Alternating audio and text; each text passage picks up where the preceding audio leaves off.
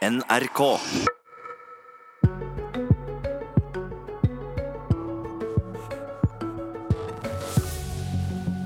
Barne- og familieministeren mener Ap sin nye politikk gjev det offentlige altfor stor kontroll over familielivet. Etter bare to måneder i regjering har KrF kjøpt hele høyresida sin retorikk, svarer Ap. Og Frp sliter tungt i inngangen til kommunevalgkampen, får 7,3% på NRK sin nye måling. God morgen, du hører eller ser på Politisk kvarter. Arbeiderpartiet skal vedta ny politikk for barnefamiliene, og et utvalg foreslår skolemat til alle, fjerning av heimelekser og legger flere av fritidsaktivitetene inn i skolefritidsordninga. Og Kjell Ingolf Ropstad, barne- og familieminister fra KrF. Hva vil bli konsekvensen av en slik politikk, etter din mening? Det er jo at familiene får mindre ansvar. Eh, og Jeg er opptatt av å styrke familiene, ikke styre dem. Og jeg opplever at Arbeiderpartiet i større grad nå eh, skal bruke familiene til å oppnå sine mål. Eh, og Sånn jeg ser på samfunnet, så er familien den viktigste institusjonen. Får vi gode, trygge familier, så får vi gode, trygge barn, så får vi en trygg og god oppvekst. Og Jeg er stolt over at vi skal øke barnetrygden med 7002. Og denne måneden så øker barnetrygden for første gang på over 20 år, og Arbeiderpartiet går imot. Vi skal innføre et fritidskort for alle barn mellom 6 og 18 18 år og gi dem tillit, valgfrihet til å velge de aktivitetene de ønsker. Arbeiderpartiet ønsker mer frivillighet inn i SFO og med kommunalt ansatte. Og Begge sakene, både når det gjelder familiepolitikken og frivilligheten, så er jeg opptatt av å styrke dem og slippe dem fri, gi dem valgfrihet tillit, mens Arbeiderpartiet i større grad ønsker å styre dem. Men du sier at Arbeiderpartiet vil gi familiene mindre ansvar. men vil ikke det også være en form for frihet? Altså frihet til å slippe å spørre med smøre matpakka, slippe å kjøre ungene att og fram på fotballtrening eh, ja, altså, det, på kvelden? Som småbarnsfar sjøl er det mange ting jeg skulle ønske jeg kunne slippe. Men jeg tror at hvis familiene skal slippe alle oppgaver og bare se på disse ungene sine, så tror jeg du får et dårligere familieliv og du får et dårligere samfunn. Og det samme med Det er ikke alltid gøy å bidra på en dugnad, eller eh, det kan være et tiltak å være fotballtrener eller håndballtrener for jentungen. Men samtidig det at en har personer i samfunnet som stiller opp, som bruker kveldene sine på å hjelpe andre barn, skape fritidsaktiviteter, det er en stor verdi i samfunnet. Og hvis kommunen skal overta den type ting og legge det inn i SFO-en, ja, så mener jeg at du tar vekk en viktig del av det som er kjennetegnet Norge, nemlig at folk stiller opp for hverandre og bryr seg om hverandre. Og jeg frykter at du kan få færre som velger å stille opp. Så du vil ha frihet til å organisere eh, fritidsaktivitetene dine sjøl, og frihet til å smøre matpakka di sjøl? Ja, og jeg tror jo at det er flott, jeg. Det at en f.eks. å sette seg ned sammen med ungene sine, reise på trening sammen med ungene sine, jeg tror det er en fin verdi i seg sjøl, at det ikke er sånn at alt må inn i skole eller SFO. Martin Henriksen, stortingsrepresentant for eh, Arbeiderpartiet. Hvis det offentlige får kontroll over alt fra maten du til lunsj, alt en lærer på skolen, og i tillegg over fritidsaktivitetene, så blir det vel mindre ansvar for foreldra, og ergo mer kontroll på det offentlige over familielivet, slik Ropstad hevder. Ja, og Derfor er det ikke det Arbeiderpartiet foreslår heller. Jeg mener det er en veldig merkelig retorikk fra Kjell Ingolf Ropstad og, og KrF her. Det er jo ikke sånn at fordi at vi i Arbeiderpartiet ønsker å gjøre eh, flere velferdstilbud bedre, at det blir mindre valgfrihet for familiene ut av det. Det blir jo tvert imot mer valgfrihet. F.eks. når vi ønsker billigere SFO, som er tilgjengelig for flere. Eh, så vil jo det at flere har råd til å sende barna sine på SFO, gjøre hverdagslivet lettere og gi dem den type valgfrihet de ikke har i dag. Det er 100 000 barn som ikke går i SFO, og vi vet fra undersøkelser at det stort sett er fordi at SFO-en er for dyr. Mange plasser koster den, over, eh, koster den rundt 4000 kroner. Det er ganske drøyt. Eh, og for det andre så er det... vil jo også gi billigere SFO til deg som tjener minst. Til de aller fattigste, og der er en ideologisk forskjell også på eh, KrF og Arbeiderpartiet, nemlig at der KrF prioriterer, og regjeringa prioriterer mer i kontantytelser, som f.eks. kontantstøtte og barnetrygd, så prioriterer Arbeiderpartiet universelle ordninger til alle. Vi trenger det her velferdssamfunnet som vi lever i, trenger at flere kommer seg i jobb. Og regjeringa velger jo konsekvent eh, ei linje. Kontantstøtte, barnetrygd, engangsstønad som gjør det mindre lønnsomt eh, å jobbe. Og de moderasjonsordningene som gir f.eks. ta et, et, eksempel i barnehage Det ble litt mange, det, ja, mange tiltak på en gang her, Henriksen. Eh, bare det at for, med Arbeiderpartiets politikk så vil foreldre ha en større mulighet til å overlate mer av ansvaret for ungene til det offentlige. Går du med på det premisset? det er egentlig uenig. for hvis du ser på verden, Jeg mener at KrF lager litt politikk for et slags idealsamfunn, drømmesamfunn som ikke finnes. Hvis du ser på hverdagen til de fleste familier i dag, så er det sånn at man står i en ganske heftig tidsklem av veldig mange familier. Det har økt de siste tiårene. Barna sine eh, si fritid er mer og mer gjennomorganisert.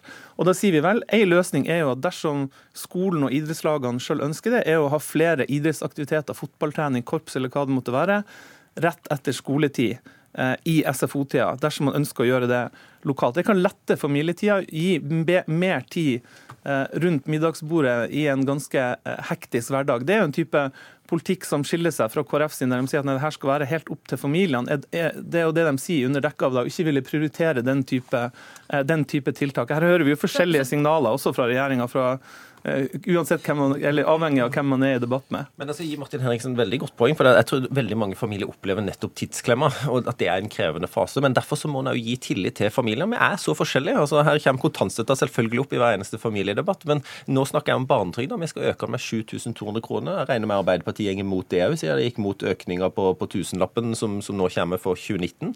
Og det skuffer meg, fordi de, de pengene vil være med å gi familiene større valgfrihet, istedenfor at en det på offentlige oppgaver. Og når du skal gjøre da, som utvalget foreslår, gratis FSO, SO, så koster det flere milliarder kroner. Eh, og det er en ideologisk prioritering. Altså, SFO er frivillig. Og ja, jeg ønsker at flere skal få mulighet til det dersom de ønsker det. og Derfor så gjør jeg det sånn at det blir billigere for dem med låg inntekt. Ok, Men mars måned eh, Martin Henriksen, er altså den første måneden på over 20 år at eh, foreldre landet rundt kommer til å motta ei barnetrygd som er større enn tidligere. Men du jubla ikke over dette og vil ikke støtte det. Hvorfor ikke? Fordi at uh, det her er en forskjell i om man ønsker økte kontantytelser eller universelle velferdsordninger. Vi styrker de, Arbeiderpartiet styrker de universelle velferdsordningene. Det vi foreslår, bl.a. billigere SFO, foreslår skolemat. Det er jo tiltak som gjør valgfriheten til familiene bedre, som gir dem et bedre velferdstilbud, men som også bidrar til at det er lettere å kombinere det å ha barn og det å være i, i jobb. Og Hvis vi ser på økninga i, i, i barnetrygden som KrF ønsker, de tre milliardene, vel, det kunne ha betalt for det, det skolematforslaget vårt, billigere SFO og mer til. Eh, og da mener vi at den type forslag som KrF kommer med, som er med å redusere arbeidslinja, ikke er Eh, riktig medisin. Og Du reduserer ikke valgfriheten for med å si at du skal ha et tilbud om skolemat til alle. Kjell Ingolf, du kan slappe helt av. Du skal få smøre matpakke så mye du vil. Det kommer ikke til å stå en Arbeiderpartiordfører og konfiskere matpakker i skoleporten, men vi sier at det skal være et tilbud til alle barn om et sunt norsk måltid. og Det er med både å fremme helse, læring og ikke minst å utjevne forskjeller på en bedre måte enn lite målrettede ordninger som kontantstøtte og barnetrygd. Ja, I utgangspunktet har jeg ikke noe problem med at en, en har løsning for dette lokalt, men, men, jeg mener likevel at som mer ideologisk så er det en utfordring at uh, familiene skal, skal, ikke gjøre noen ting. Uh, altså Hvis du da tar vekk både skolemat tar vekk lekser og sånne ting, så er det gode argument for det. For jeg kjenner meg igjen i en situasjon der det er hektisk på morgenkvisten og skal du rekke alt før du skal levere i barnehage. Men, men det er òg sånn at ta, og det samme med lekser. da, uh, Det er jo mange gode argumenter for at du skal gjøre noe med leksene. men samtidig samtidig, den kontakten foreldre og unger har, den er utrolig viktig. Og jeg tror at hvis du fjerner bare leksene Du kan veldig godt gjøre det på en bedre måte, ha kanskje færre lekser eller enklere lekser, men at foreldre faktisk setter seg ned med ungene sine og leser gjennom, det tror jeg har en stor verdi. Og Derfor så frykter jeg at hvis du beveger deg vekk fra at du alltid bare skal hjelpe familiene, eller gjøre det på sin måte, og Arbeiderpartiet skal styre det fordi de mener dette er best, så mister en både den valgfriheten og tilliten som en har, eh, og jeg tror at det går utover det eh, bra eh, som som faktisk er med at familiene bryr seg om ungene sine i større grad. Mm. Henriksen? Ja, akkurat det med lekser er enig med Kjell Ingolf Ropstad. Det er jo et forslag til landsmøtet som det er uenighet om. Men vi tar i hvert fall den diskusjonen. Det syns jeg er, er, er, viktig. Eh, og jeg må bare si at altså, er det, I dag er det 6. mars. Det er to dager til 8. Eh, mars, kvinnedagen. Jeg mener også Det som er litt underkommunisert der, når du snakker om familienes rolle og valgfrihet, og sånn, er jo de forslagene som regjeringa velger å satse på, som kontantstøtte, økt barnetrygd, engangsstønad og den type ting. Men du, nå må du svare jo, på det som ja. han faktisk sier. fordi det han sier, er jo at det offentlige får for mye ja, ja. kontroll over familien. Og Ser du at det kan være en effekt av Arbeiderpartiet sitt, uh, sine forslag? At, at foreldrene blir sittende igjen med egentlig ikke noe ansvar? Det er jeg uenig i. for Det som er viktig for oss, det er å gi familiene mer frihet til å være familie, bedre familietid. Det at du har en hektisk hverdag med henting og bringing eh, aktiviteter i tillegg til lekser, da sier vi at noe av det kan man løse gjennom f.eks. aktiviteter i SFO-tida. Men mitt poeng her, når jeg nevnte 8. mars og kvinnedagen, det er jo at regjeringa sine løsninger ikke bidrar til mer valgfrihet for familiene, ikke styrker familiene. fordi at når du da sier at eh, du skal ha mer av den type kontantytelser som kontantstøtte, barnetrygd, engangsstønad fremfor å styrke velferdsordninger som er uh, universelle, så er konsekvensen av det at flere foreldre blir hjemme. Det er mindre lønnsomt å jobbe, og det er stort sett kvinner. Og Da handler ikke det om et frivillig valg.